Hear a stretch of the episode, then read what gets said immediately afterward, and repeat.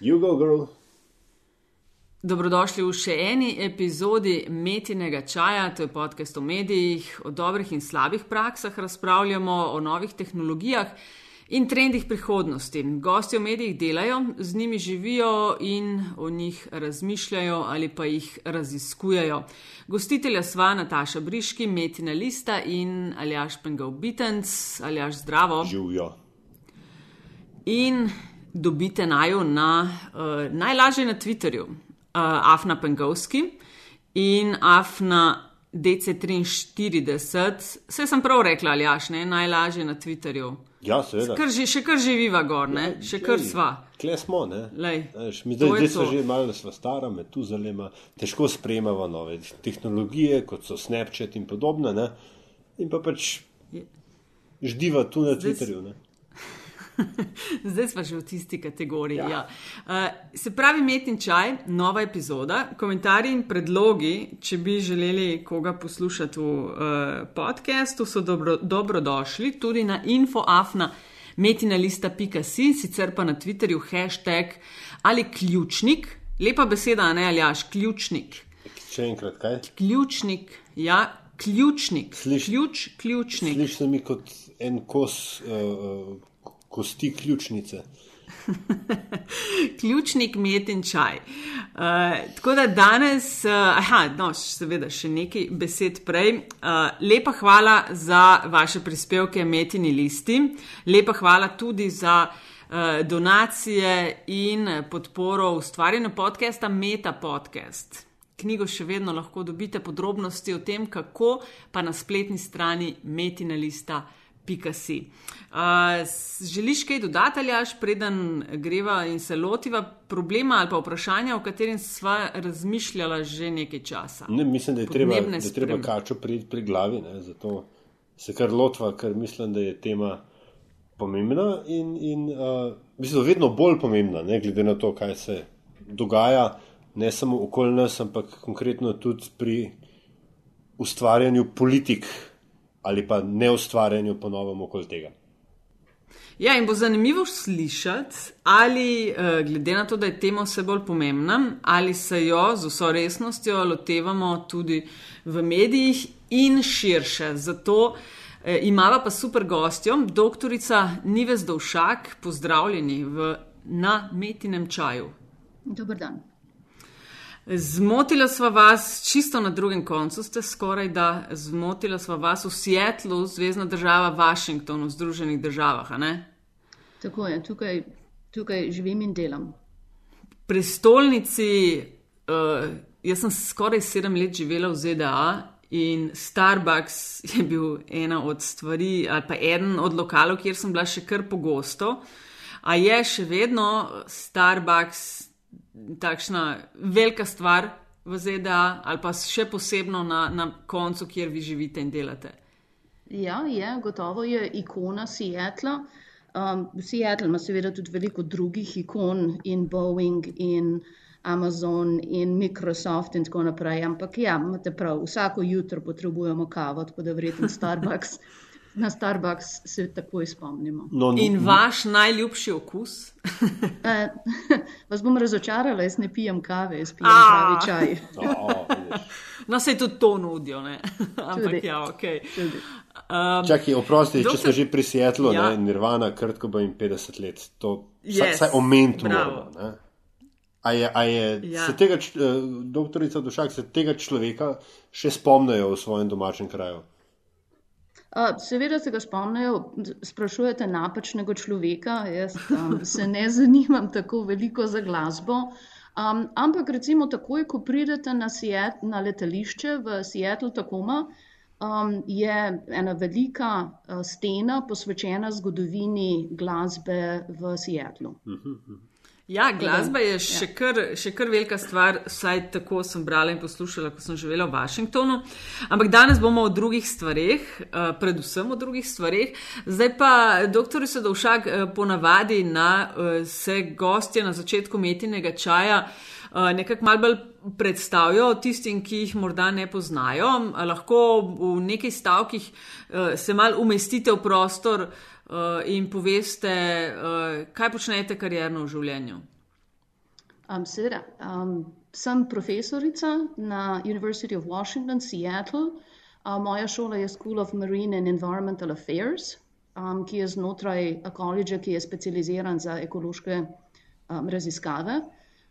Um, doštudirala sem, torej, um, da diplomski študij sem končala v Ljubljani na ekonomski fakulteti, kar je na mene um, vplivalo, na mene kot strokovnjaka, na mene kot človeka vplivalo, tako da o ekoloških problemih vedno razmišljam strani, um, zakaj se ljudje odločajo za določene, um, za določene tehnologije, za določeno vedenje, za določene proizvode ali um, ne ali, ampak kako na to vplivajo motivi, tržni motivi, kako na to vplivajo finančni motivi.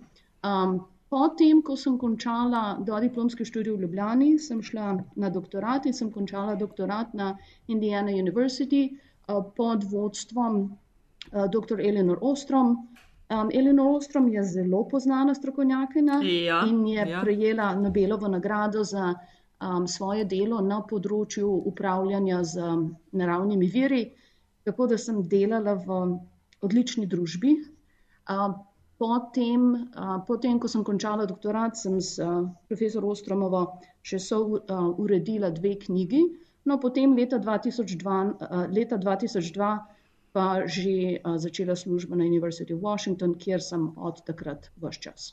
No, to je pa že kar dolgo obdobje. No, v Metinem čaju bi z vami rada poklepetala malo o podnebnih spremembah, kje smo, kam gremo, kako resno jih jemljemo, kakšen partner in igralec so tu mediji, kaj so mogoče največje zmote, o katerih berete, kaj so po vašem prava vprašanja.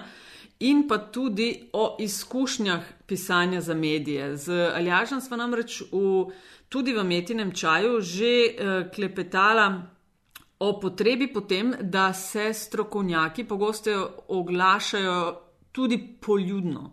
Se pravi, ne samo s strokovnimi zapisi in objavami v strokovnih uh, revijah, zbornikih, uh, ampak da poskušajo pojave, ki smo jim priča, razlagati tudi širšim množicam. Ne? Vi se z vprašanjem teh podnebnih sprememb ukvarjate že že zelo dolgo. Um, tako za začetek, mogoče, a jih jemljemo dovolj resno?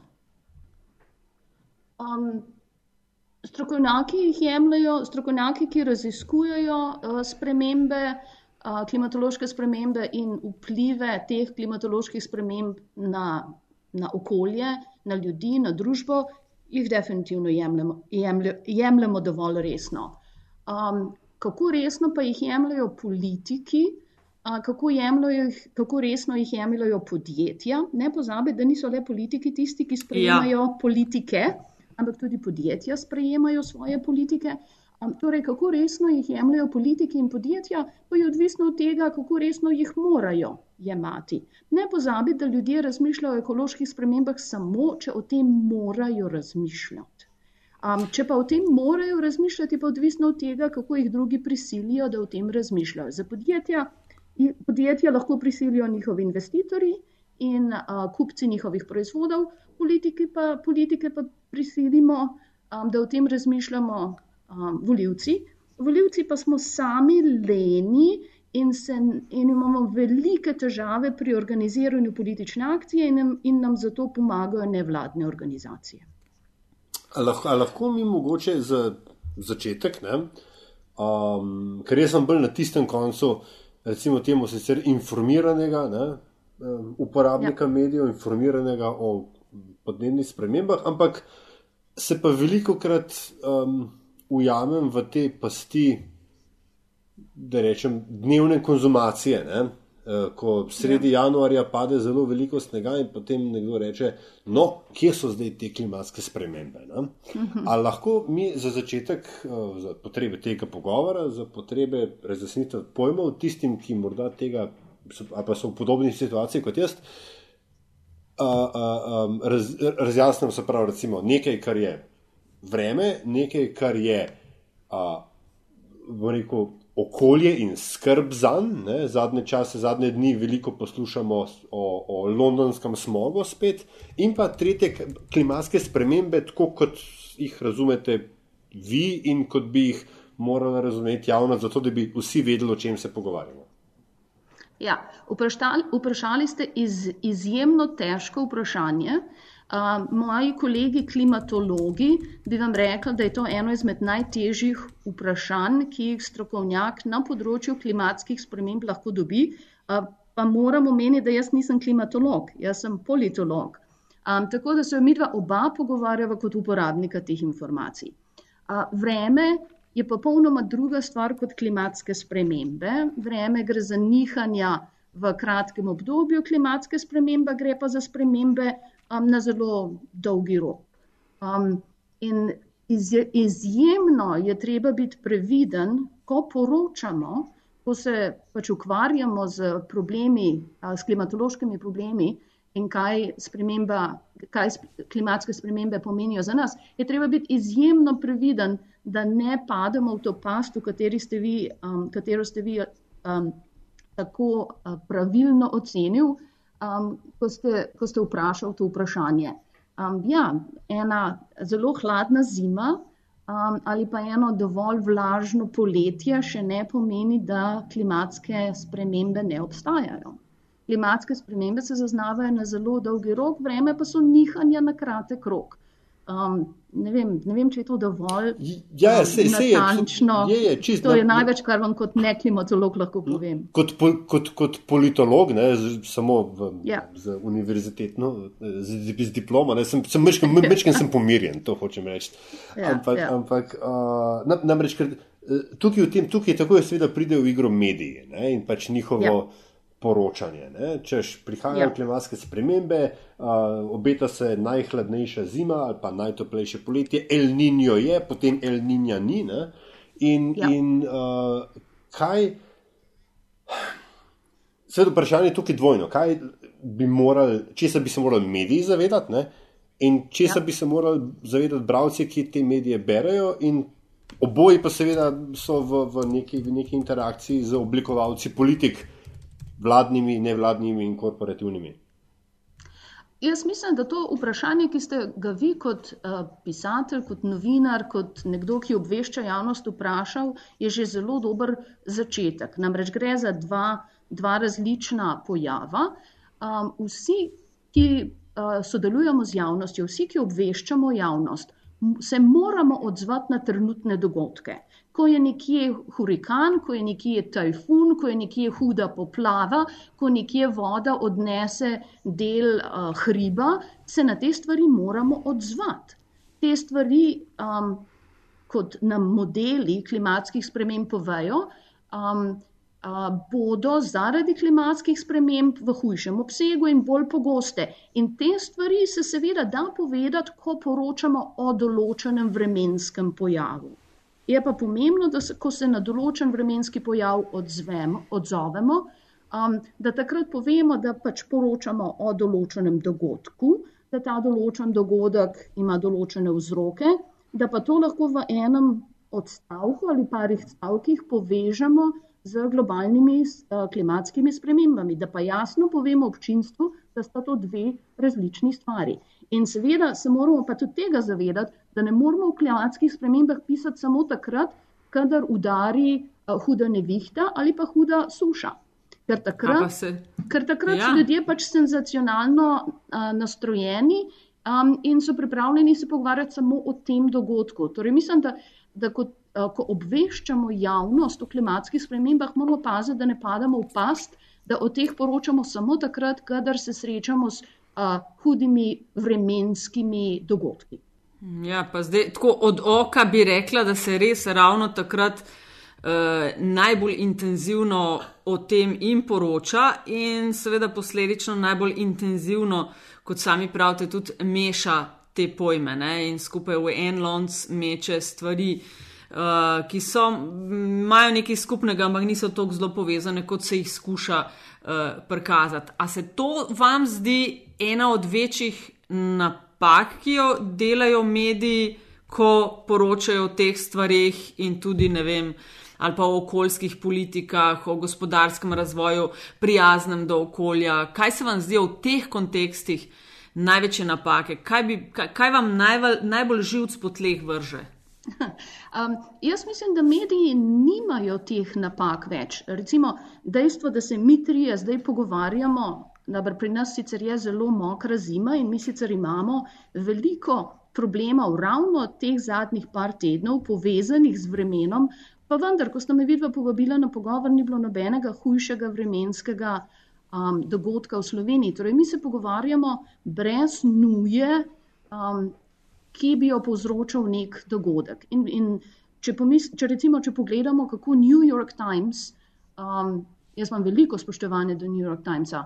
Uh, New York Times ima posebno serijo, uh, ima poseben del časopisov, v katerem poroča o znanosti.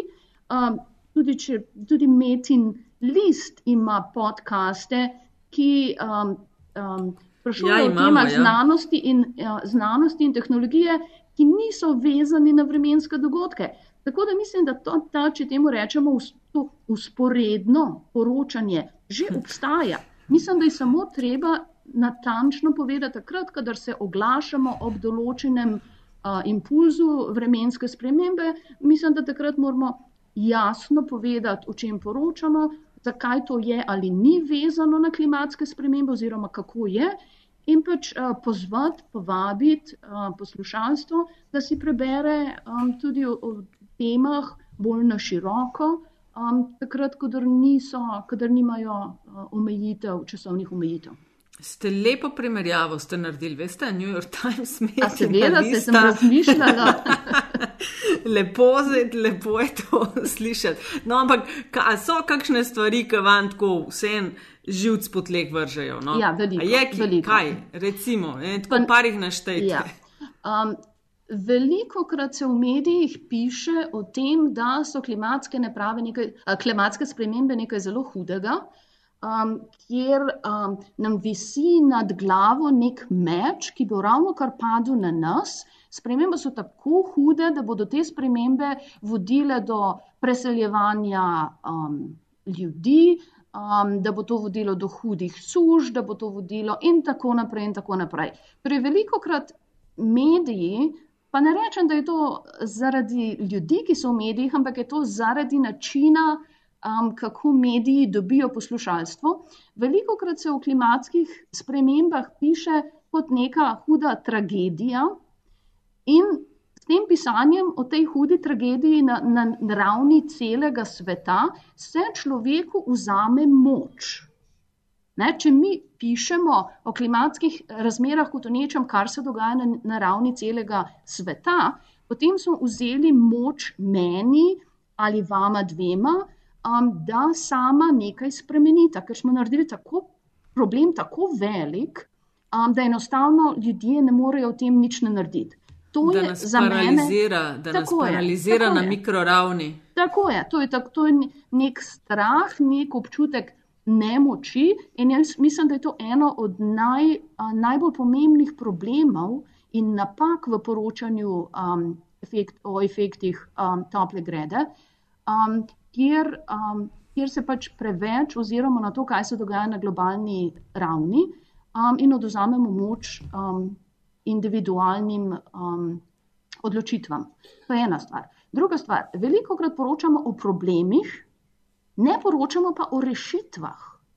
Moje raziskave na področju vpliva medijev na, politike, na okoljevarstvene politike v ZDA so jasno pokazali, če mediji pišajo o tem, kaj so rešitve, kdo jih je uporabil, kakšni so bili efekti teh politik, ne samo na, na ekološkem področju, ampak tudi na ekonomskem, ali so bili zelo dragi, ali so vodili do um, zapiranja podjetij, ali niso, in tako naprej. In tako naprej. To so stvari, o katerih moramo pisati. Moramo pisati o tem, moramo obveščati, moramo govoriti o tem, kaj je efekt. Um, Kaj toplotno um, um, emisija um, toplogrednih plinov pomenijo za nas, v, na področju, v občini, v mestu, v podjetju, kjer jaz lahko sprejemam odločitve oziroma vplivam na odločitve. Pravi, in, kaj, in kaj so rešitve, ne samo kaj je problem in kako se bo ta problem nadaljeval v 21. in 22. stoletju. Se pravi, vi zdaj v bistvu. Govorite, govorite o vzpostavljanju narativa. Ne? Če je narativ, Tako je, a, tako prihaja je. katastrofa, prihajajo horde ljudi iz vem, Azije, Afrike, kjerkoli, Tako je. ne? naj vas bo strah. Je to eno. ne. Dru, dru, če pa ima- imamo narativ, gledajte, kaj se da narediti, ne vem, vetrnice, solarna energija, uh, miks česar koli, je pa to nekaj, nekaj popolnoma drugega. Ne? Poglejte, pri nas v Ameriki se piše, uh, piše kadar se poroča o tem, kaj veliko republikancev misli o efektih uh, toplotno gre, o efektu tople grede, pa ne vsi, ampak veliko republikancev, se vedno piše o tem, zakaj bi mi nekaj naredili in, um, in mi bili izpostavljeni stroškom sprememb, Ko pa um, druge države, nekatere izmed njih so naši ekonomski, um, s katerimi tekmujemo na ekonomskem področju, nič ne naredijo. In se pač um, z, z profesorjem Simon Prakašem sva pisala v blogu o tem, da obstaja tako imenovan China excuse. Se pravi, si, za izgovor vzamemo to, da druge države so tudi veliki, um, imajo tudi velike emisije in na tem nič ne naredijo. To je en mi temu rečemo frame, torej en okvir, vi ste uporabljali besedo um, narativa. Popolnoma drug pogled pa je, da poročamo o tem, da, so v lanskem, da je v lanskem letu Kitajska um, inštalirala največjo kapaciteto um, virov za uporabo vetra za izdelavo električne energije. Res? To je pa popolnoma drugačna, mm. res, to je pa popolnoma drugačna narativa. Ne? Mhm. Torej, da se narediti, drugi to delajo in to so tisti, s katerimi mi tekmujemo na ekonomskem področju. Takšne narative potrebujemo. Mm, Pa ne samo pravite, da se da narediti, da hkrati, če vas prav razumem, ima tudi zelo velik vpliv na to, kaj se dejansko naredi po, potem. Tako je. Kako se sprejemajo politike in kakšne. Tako je. Tako je. Se pravi, to je ena stvar. Nehati moramo, nehati moramo poročati, seveda moramo poročati o tem, kaj se dogaja na globalni ravni, ker so modeli globalni. Ampak začeti moramo poročati o tem, kaj mi lahko na regionalni, lokalni ravni, na ravni države, na ravni občine, na ravni podjetja, um, na ravni univerze lahko na tem področju naredimo. Torej, spremeniti moramo narativ, uh, dodati moramo že obstoj, ker že obstoječi globalni narativi, moramo dodati lokalni, lokalni pogovor. To je ena stvar. Druga stvar, moramo se začeti pogovarjati o tem, kakšni so stroški naših, um, našega neodzivanja. Za mene, um, ki živim v relativno razviti državi, v Združenih državah Amerike, za mene, ki se je relativno lahko izolirati od vseh negativnih vplivov klimatskih sprememb, se je zelo težko odločiti, da spremenim svoje vedenje, glede na to, da vem, da nisem ranljiva, da moja družina ni ranljiva, da moje življenje ni ranljivo. Če pa mi poveste, da ukolikor ne zmanjšamo emisij, bo to vodilo k ne vem, a 100 dolarjev višjemu računu za elektriko, 50 dolarjev višjemu računu za vodo, 300 dolarjev, pa se zdaj številke izmišljujem. Ja, ja, ja. Torej, ne me, ne me jemati, a, Ja, ja, ne razumem. citirati številk. Gre za to, da če mi poveste, da bodo moji stroški negativno, torej, da bodo moji stroški višji v prihodnosti, ker bom morala plačati dodatne stroške za dostavo vode, dodatne stroške za zanesljivo dostavo energije, da bo proizvodnja hrane draže, potem bom jaz o efektih toplot, toplotno-grednih plinov razmišljala drugače. Je pa to Torej- jezik, ki ga razumemo. Ne? Je pa to jezik, ki ga razumemo, je to jezik naše denarnice vsak mesec, ko plačamo račune. To je popolnoma drug jezik kot a, Zemlja se bo temperatura, globalna temperatura Zemlje bo više za Ja, ja. dve stopinji in kaj vse moramo narediti, da se temu izognemo. To je, to je težko motivirati ljudi s takimi pogovori. N- O, o korporacijah, o gospodarstvu. Ne? Nismo, nismo ja. še nič rekli. Ko je Oliver Stone posnel nadaljevanje svojega kultnega Wall Streeta filma, ne? Česar sicer Ja. ne bi smel narediti, ker je Wall Street drugi del obupen film, ampak v redu. Um, na koncu filma Michael Douglas reče: um, Green is the next bubble. Ne? A je ključni, oziroma meni, meni se zdi, da je v recimo zadnjih 20 letih na, v, sploh v ZDA, na ravni, na ravni korporacij, na ravni gospodarstva, prišlo do nekega miselnega preskoka, da se da tudi z investiranjem v obnovljive energije, eh, v obnovljive vire energije, v, v varovanje okolja, v, v zmanjševanje efekta klimatskih sprememb, da se da z vsem tem zaslužiti. A, to, a se je ta premik zgodil že in če, kakšen vpliv ima? Ja, ta, to je ena narativa, o kateri se lahko pogovarjamo na področju uh, poslovnih odločitev, ali je, um, ali je uh, sprememba vedenja, ali to vodi k um, višjemu dobičku. To je en način gledanja, to se dogaja. Um, vidimo v ZDA, kako rastejo um, ali trgovine, ki prodajajo uh, organske proizvode, ali pa kako klasične trgovine, recimo kot Walmart, no, klasične, težko je imenovati Walmart, klasična trgovina, pa vendar ne zelena, ne organska trgovina. Safeway, recimo, jaz sem to videla razliko, ja, ki je Tako, Whole Foods, torej, je trgovina teh bolj, ja, kar povejte. Ja. Tako je. Torej, po eni strani vidimo, da podjetja, če se zaenkrat skoncentriramo samo na hrano, vidimo, da podjetja ki so skoncentrirano na um, ekološko um, pridobivanje hrane, rastejo, da živijo, da dobro delajo. Po drugi strani vidimo, da klasični uh, dobavitelji hrane, Safeway, Fred Meyer, um, um, Walmart, uh, vedno več ponujajo proizvodov, ki so ekološko odgovorni. Walmart je, mislim, da v ZDA največji uh, ponudnik um, morske hrane, ki je ekološko ulovljena. Torej, gotovo tega ne delajo um, zato, ker bi s tem imeli hude izgube. To je, en, to je en vidik gledanja na to, kako se podjetja odločajo. Drug vidik gledanja je, kaj investitorji so pripravljeni plačati in česa niso pripravljeni plačati. Če berete uh, poročila investitorjem podjetij, Recimo, če berete poročila investitorjev um, podjetij, ki, um, uh, ki um, uh, rafinirajo, ki, ki um, črpajo olje, ki refi, uh, nafto, ki rafinirajo nafto in tako naprej. Vedno več vidite v teh poročilih investicijah rizika um, tople grede in toplogrednih politik. To so tudi spremembe, ki jih vidimo na področju podjetij. Torej, ne samo, da vidijo um, okoljevarstveno vedenje oziroma vedenje, ki je odgovorno do naravnega okolja kot vir dobička, da vidijo ga tudi kot vir zmanjševanja rizika v okolje, v katerem podjetje posluje. In mislim, da je tudi to pomembna narativa in jo vedno več jo vidimo. No, mogo, mogoče ravno to, ne, uh, ker je uh, namreč na, na tej strani oceana, še posebej z uh, novim uh, predsednikom in administracijo, ki pač je, kakršna je. Um, uh mhm. -huh. Dobivamo um, sliko, ali pa uh mhm. -huh. rečemo, vse, potem, ko se vse filtrira, to, kar, to, kar pride do nas, ne, je, da uh mhm. -huh. pač, uh, je trenutno edina zveličavna vera v ZDA.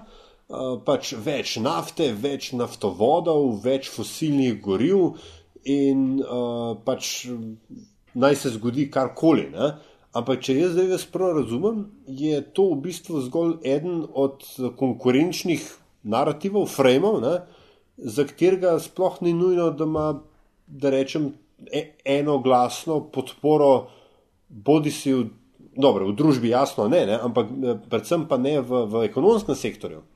Um, poglejte, res je, da zdaj največ slišimo. Um, narative, če uporabimo to besedo, čeprav ne vem, je to najboljša slovenska beseda. Ne, ne, ver, verjetno ni, ampak je. je...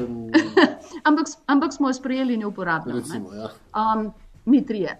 Um, torej, gotovo, kar slišimo zdaj, kar beremo, kar slišimo v novicah, je, da novi predsednik je takoj uh, pritisnil na, svoj, um, uh, na, svoje, um, na svoje ministrstva, da izdajo dovoljenje za dva, uh, za dva um, naftovoda, ki jih prejšnji predsednik, um, ki jih prejšnji predsednik ni bil pripravljen dovoliti, oziroma ki se je zelo, zelo, se, za katere se je prejšnji predsednik zelo trudil, da bi zelo natančno pregledal um, ekološke, potencijalne ekološke probleme s temi naftovodi.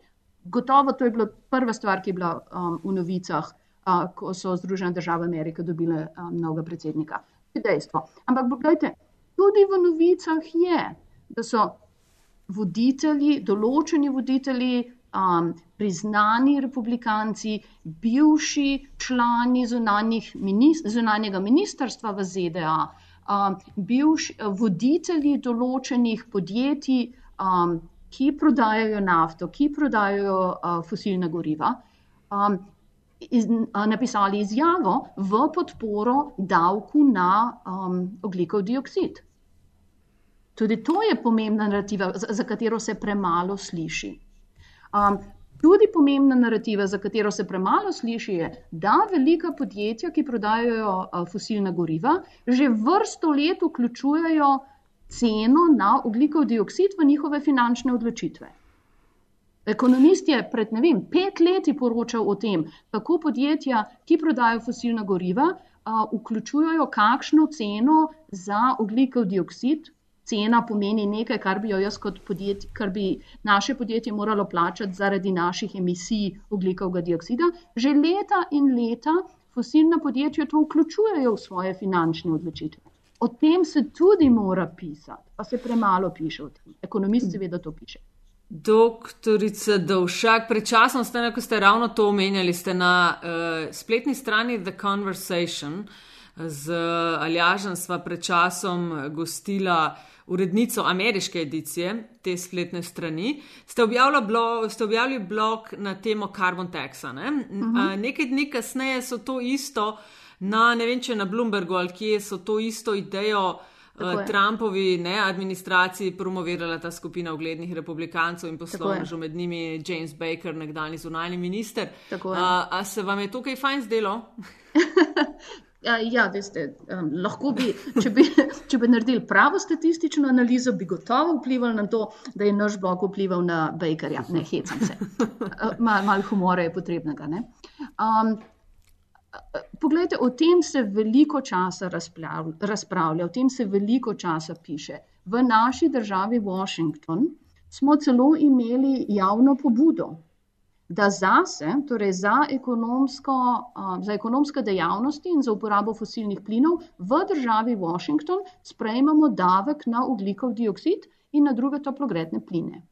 Pa nažalost ni, podpora ni dobila torej ni dobila večine, zato to ni sprejelo, zato te podpore nismo sprejeli. O davku na ugljikove diokside se že dolgo časa govori vprašanje, ki ga bomo morali v ZDA rešiti, če bomo resno razmišljali o davku na oglikov um, dioksid in druge toplogredne pline, je o tem, kako ta davek uporabiti.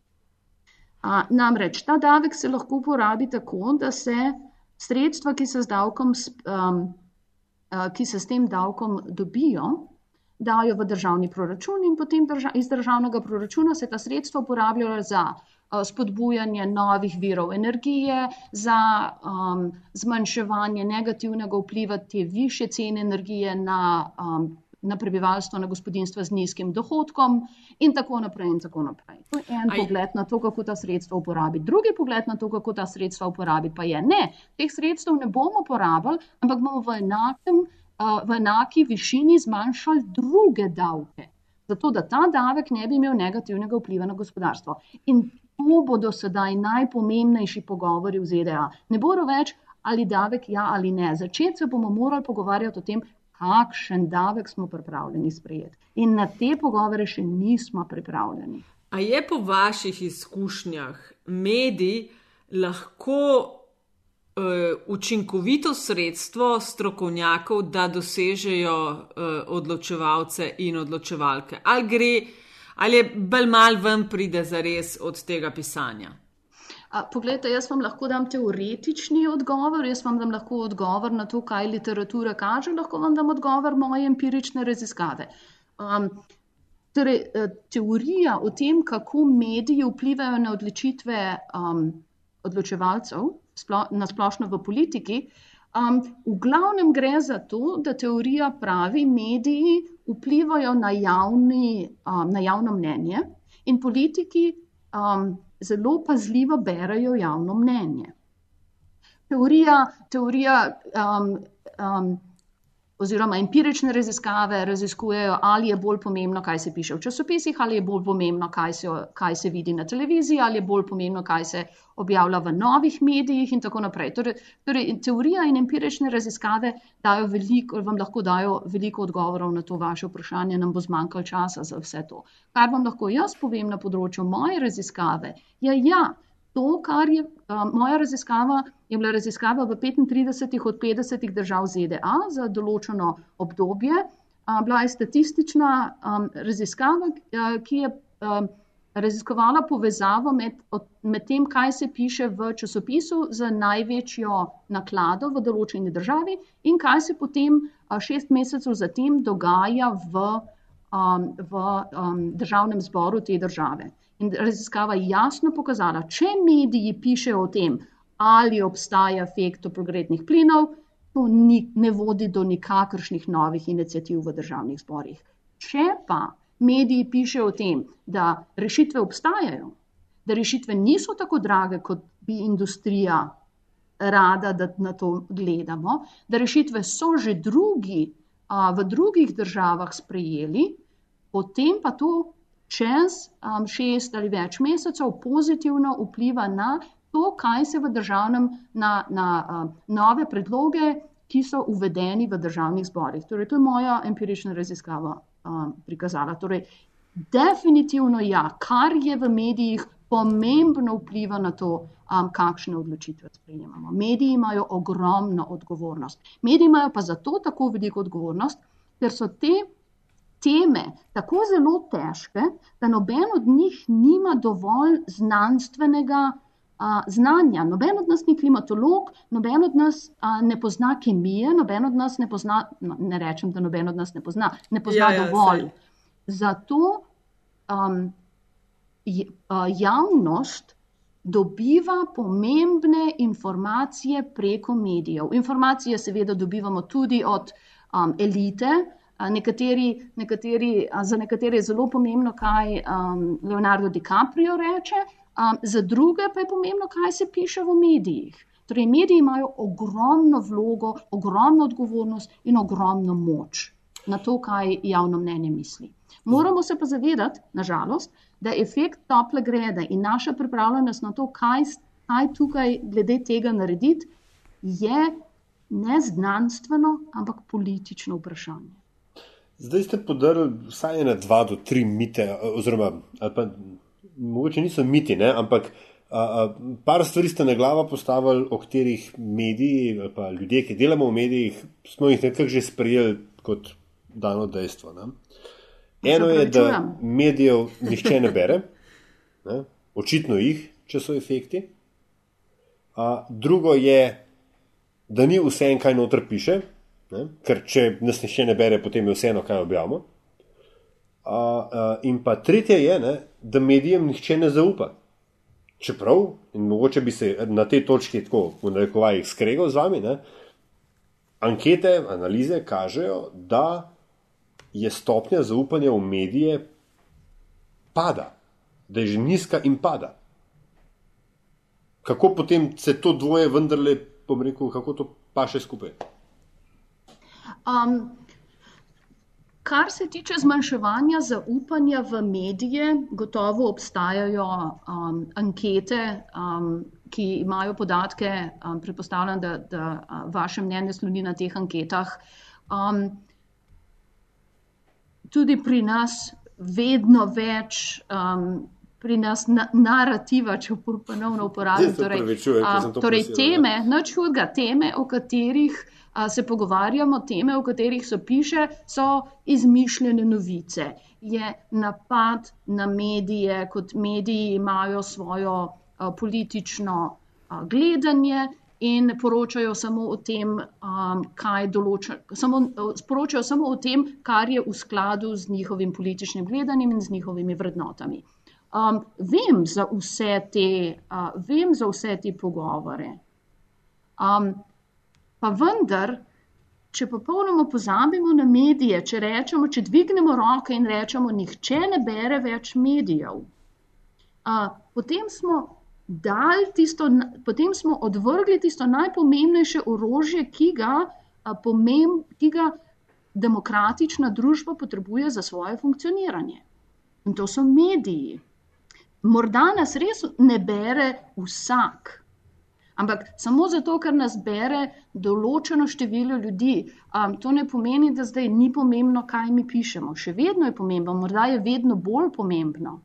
Tudi je pomembno to, da ko pišemo, pišemo na način, ki je um, odprt, ki, je, uh, ki ima spoštovanje, ki kaže spoštovanje do tistih, ki imajo drugo mnenje, drugačno mnenje. In to je ena od stvari, ki mislim, da je najbolj pomembnih v tem trenutku. Um, Nataša me je vprašala, ka, kako uh, pišem za sodobne medije, kako pišem za bloge. In ena od stvari, ki vodi mene pri mojem pisanju, je, kako pisati na način, da me lahko bere tisti, ki se že danes strinja s tem, da efekti tople grede obstajajo in da je pripravljen plačati za zmanjševanje emisij, in kako lahko jaz komuniciram tudi s tistim, ki še o tem ni prepričan in ki, ki zaradi uh, njihov, njegove, njene ekonomske aktivnosti uh, ga bo kakršna koli politika prizadela. Torej, kako lahko komuniciram z rudarjem, kako lahko komuniciram z ljudmi v Zahodni Virginiji, v Kentuckyju, kjer, uh, kjer, njihove, uh, kjer njihova skupnost, kjer njihova ekonomska aktivnost je odvisna od tem, kaj naredimo z fosilnimi viri, z viri fosilne energije. Torej, to je, mislim, da bistvena, bistveno vodilo, ki, moramo, ki, ki moramo sedaj o njem vsi zelo, zelo natančno razmišljati. Pogovori, odločitve o efektih tople grede so ideološki. In ko komuniciramo, se moramo zavedati, da komuniciramo z ljudmi, ki nimajo nujno iste ideologije, da moramo komunicirati, da moramo reševati, najti rešitve, ki delujejo za ljudi z različnimi ideologijami. Ko ste okay, ravno omenili, oprosti, Nataša, samo tole moram uh, nadaljevati.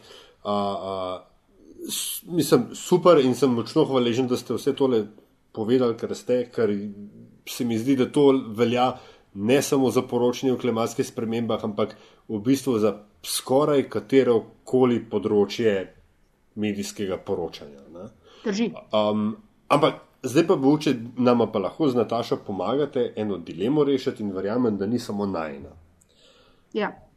Um, stvar pa izhaja iz vedno večje polarizacije diskurza javnega kako recimo v taki debati, v takšnem poročanju, um, kako naj se mediji, kako naj se av, pač avtor, nekdo, ki dela za medije, kako skratka v taki debati obravnavaš uh, climate change denarja, zanikovalca klimatskih sprememb.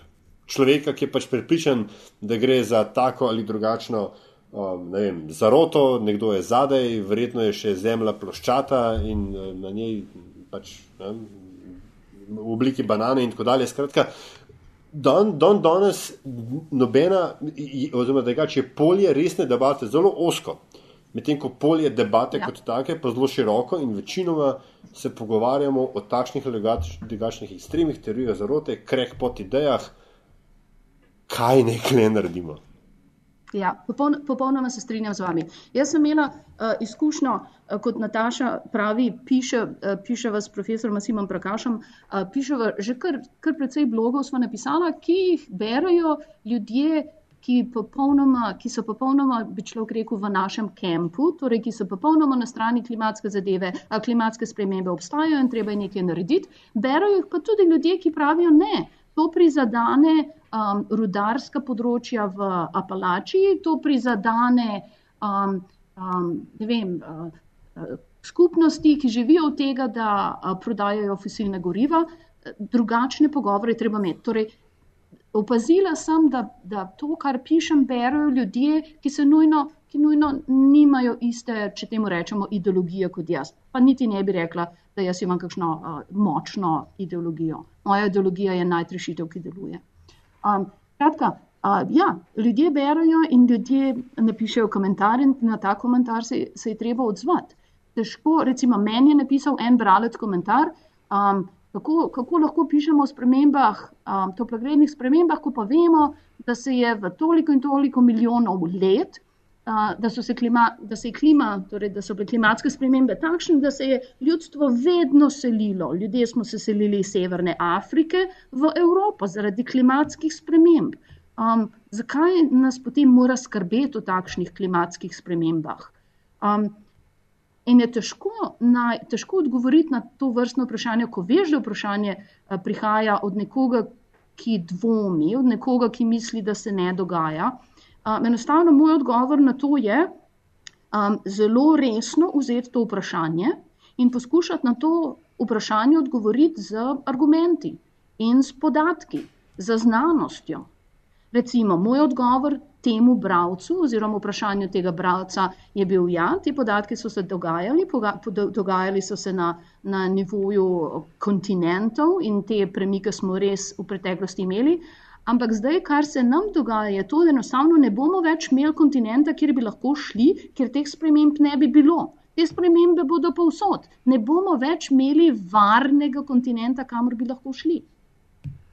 Zato se pa pogovarjamo o tem, kako bodo torej ti kontinenti, ki bodo vsi prizadeti, kako bodo prizadeti in kako, kakšne rešitve imamo, da se na to, da te. Um, da te negativne vplive v prihodnosti zmanjšamo, se pravi z zmanjševanjem emisij, in kako se na te uh, vplive pripravimo. Tež, težko, težko je ja, odgovarjati. Ja, ja, tež, težko je odgovarjati nekomu, uh, ki veš, da je skeptik. Um, težko je odgovarjati nekomu, za katerega so drugi rekli, da uh, je climate denier. Treba se vprašati, zakaj je climate denier. Če pomeni, um, če je. Um, zanikanje efektov toplotnih gren, uh, efektov klimatskih sprememb zato, ker je od tega odvisno ne samo življenje njegove družine, ampak celotne skupnosti, potem se je treba o teh vplivih pogovarjati. Treba se pogovarjati o tem, kako bodo tisti, ki, katere skupnosti bodo prizadete, če mi uh, vzpostavimo davek na ugljikov dioksid, kako bomo tem ljudem pomagali, kako bomo te ljudi kompensirali. In v ameriški ekološki politiki imamo primere, kako se lahko da kompenzacijo tistim, ki so zaradi ekološke politike izgubili vir dohodka. Ampak se o tem nočemo pogovarjati na področju fosilnih goriv. Vi govorite o empatiji, ne, da se treba postaviti v kožo Tako sogovornika. Je. Tako je.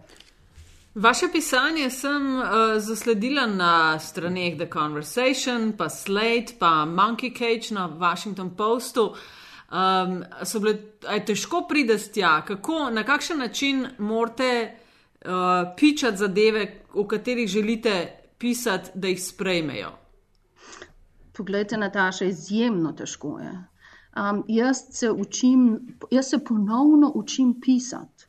Mene so učili pisati um, doktorji znanosti, In sicer sem učil pisati, kako pisati za druge doktorje znanosti. Ja, to, um, ja, to, o tem smo že večkrat uh, klepetali. Ja, to ja, je in, problem. In, in, in jaz, in jaz, na nač, pisati, jaz ja. na ta način še vedno pišem. Po drugi strani pa vidim, um, da, je, da ima moje pisanje veliko večji vpliv um, na ne strokovnjake, torej na ne politologe, če, uh, če pišem v teh uh, medijih, ki ste jih vi omenili. Um, Kaj to pomeni? Ponovno se učiti pisati, delati z ljudmi, ki poznajo te medije. Karkoli jaz napišem, karkoli za dr. Prakašem napiševa, je, veliko, je na veliko načinov spremenjeno, ker enostavno mi ne znamo pisati, strokovnjaki ne znamo pisati za te medije, se učimo, vza, poslušamo predloge tistih, ki za te medije vse življenje pišajo. Torej, to je timsko delo, to ni več strokovnjak, ki piše za drugega strokovnjaka. To je timsko delo, to je učenje, kako pisati za nove medije, to je biti skromen in biti odprt za um, nasvete tistih, ki te medije poznajo. S tem, s, tem, s tem, seveda, to za strokovnjaka težko, ker zgubi kontrolo. Ne? Ker do določene mene zgubiš kontrolo, kaj lahko rečeš. Ampak, če želimo v teh medijih biti prisotni, moramo najti način, kako um, delati strokovnjaki, ki te medije poznamo. Poznajo. Se pravi, vi nek predlog eh, teksta pošljete in potem z uredniki delate dalje, da pride do končnega izdelka. Tako je. In, in, te, in kako temu se, to se pri nas imenuje pitch. Um, torej, kako, ja. kako, napra, kako napisati v um, stotih besedah, zakaj je pomembno, da se o tem piše, to je strašno težko. Najmanjša, najmanjše število besed, o katerih mi kot strokovnjaki pišemo, je 500 besed in to je povzetek. 500 besed je petkrat preveč. Ja, vem, sva, sva govorila o teh stvarih in tudi z urednico tega ameriškega The Conversation in tudi s številnimi znanstveniki v okviru in metine liste in naših aktivnosti. In ja, uh, to je nekaj, s čimer se je treba začeti ukvarjati in mal bolj resno, ker je, se mi zdi res pomembno, no, da, da ste strokovnjaki in strokovnjakinje pogosteje prisotni in razlagate to, kar se dogaja v družbi. Ne. Um, najlepša hvala, doktorica Dovšak. No. Um, po mojem, Maljaša, je čas, da gremo še na zanimivost. Ja, jaz, jaz, bi, jaz bi lahko zdaj klepetal, mislim, do 8 začer po, po vašem času, ampak. Nekje treba pristaviti piko, ja, tako da Nataša izvoli. Fina debata, ja. No, vedno vsakega gosta oziroma gostja na koncu vprašava po neki zanimivosti, da jo z nama deli, da nama pove uh, nekaj novega, nekaj česar morda veliko nas ne ve, pa bi bilo fino, da bi vedeli, ali pa mogoče gosti včasih delijo uh, kakšno zgodbo, kakšno anegdoto um, iz svojega profesionalnega življenja. Uh, tako da zdaj smo v tem pogovoru mi na tej točki, doktorica Dušak. Um, kaj ste nama pripravili? Pripravljena nisem nič. Uh, eno anegdoto, um, mogoče ena anegdota z mojega uh, strokovnega življenja, ki je na mene zelo, zelo vplivala, je bilo delo z um, Nobelovo nagrajenko dr. Elinor Ostromovo. In ena anegdota, ki je zanimiva in, in ki vam pove o tem, kaj pomeni delati z njo, je, je ta da z, z njo sediva na stadionu Indiana University leta 2000 o podelitvi mojega doktorata. Um, to je ogromna podelitev, traja dogodek, traja dve uri. Ona iz svoje mehne torbice potegne ven beležko in reče: Ni vas zdaj, vas se zdaj začeti pogovarjati o konferenci, ki jo bomo organizirali. torej, vsak trenutek, ko si z nekom, se da uporabiti za delo. Z njo, z njo smo se pogovarjali o projektih, ko smo se skupaj pelali na letališče, z njo smo se pogovarjali o projektih, ko smo šli skupaj iz ene stavbe v drugo stavbo na kampusu Indiana University Bloomington. Torej, vsak trenutek se da izkoristiti. Vedno moraš biti pripravljen na to, da se boš z nekom pogovarjal v, v inkrementih dveh minut ali pa petih minut. To je ena, to je ena anekdota a, mojega strokovnega življenja. In to tudi strokovnjaki ne znamo v dveh minutih inkrementih se pogovarjati. Tudi to, to je pič, ne? Tudi ja, to, ja. Elevator pič. Ja. Tudi to je. Druga stvar pa, um, druga stvar pa ste me vprašali za kakšno knjigo oziroma kaj, kaj morda, bi ja, predlagala, ja, morda, da ljudje berajo. Prva stvar, ki bi jo predlagala, da ljudje berajo, je um, peti, um, peto poročilo uh, Združenih narodov Intergovernmental Panel on Climate Change odlično, krat, krat, čudovito, kratko branje. Vse, kar je pomembno, je v oranžnih okvirčkih. Um, po... Se da prebrati v desetih minutah. Če pa želite kaj bolj zanimivega za branje, uh, pa predlagam mogoče knjigo um, Hillbilly Elegy. To je knjiga, ki jo je napisal človek, ki je živel v Apalačiji. Apalačija je izredno reven del vzhodnih, uh, vzhodnega dela Združenih držav Amerike. Um, zgodovinsko nerazvit, zgodovinsko, ekonomsko nerazvit, um, kulturne, um, specifična kultura na tem področju. Um, in mislim, da čudovito opiše nek drug del um, Amerike, za katerega nas zelo malo ljudi ve. Jaz sem samo potovala parkrat skozi ta del, a zelo malo poznamo ljudi. Um, in je del Amerike, ki pomembno vpliva na to, um, kako američani razmišljajo o efektih tople grede in drugih a, pomembnih a, temah današnjega, a, današnjega dne, a, pa, premalo, pa premalo poznamo a, to sociološko ozadje. A, Vem, to je, meni, je, meni je bilo čudovito. Hillbilly Elegy, mislim, da je to. To je J.D. Vance, ne? J.D. Vance je Tako to je. napisal. Sem pred dnevi poslušala podcast z njim, ko je govoril Aha. o tej knjigi. Aha, uh, tako da, ja, strašno zanimivo za razumevanje Amerike, ki ni samo, ali pa še zdaleč ni samo New York, uh, Los Angeles pa Chicago. Zvok Benjo vključite po potrebi. In tudi, in tudi pomembno za razumevanje o tem, kako Amerika razmišlja o efektih tople grede, ker ta del Amerike je del Amerike, ki proizvaja premog, ki proizvaja premog z visokimi stroški, um, ki bo najbolj prizadet um, z določenimi politikami efekta tople grede. Zato so pa tako z odprtimi rokami hkrati no, tudi sprejeli Donalda Trumpa. Sploh mislim, da je Zahodni Virginiji, če se ne motim, celo, da ima največjo podporo od vseh zvezdnih držav. E, bomo priložili e, objavi oba, obe povezavi na obe brani, ki jih priporočate. Tako da lepa, lepa hvala za tole, doktorica Dovšak. Pa tako smo prišli do konca. Hvala za vaš čas, hvala za vaše modre misli in vsa priporočila. Uh, meni je bilo strašno zanimivo poslušati uh, vas pripovedovati o stvarih, s katerimi se ukvarjate. Tako da res hvala za ta pogovor. Hvala za vabilo.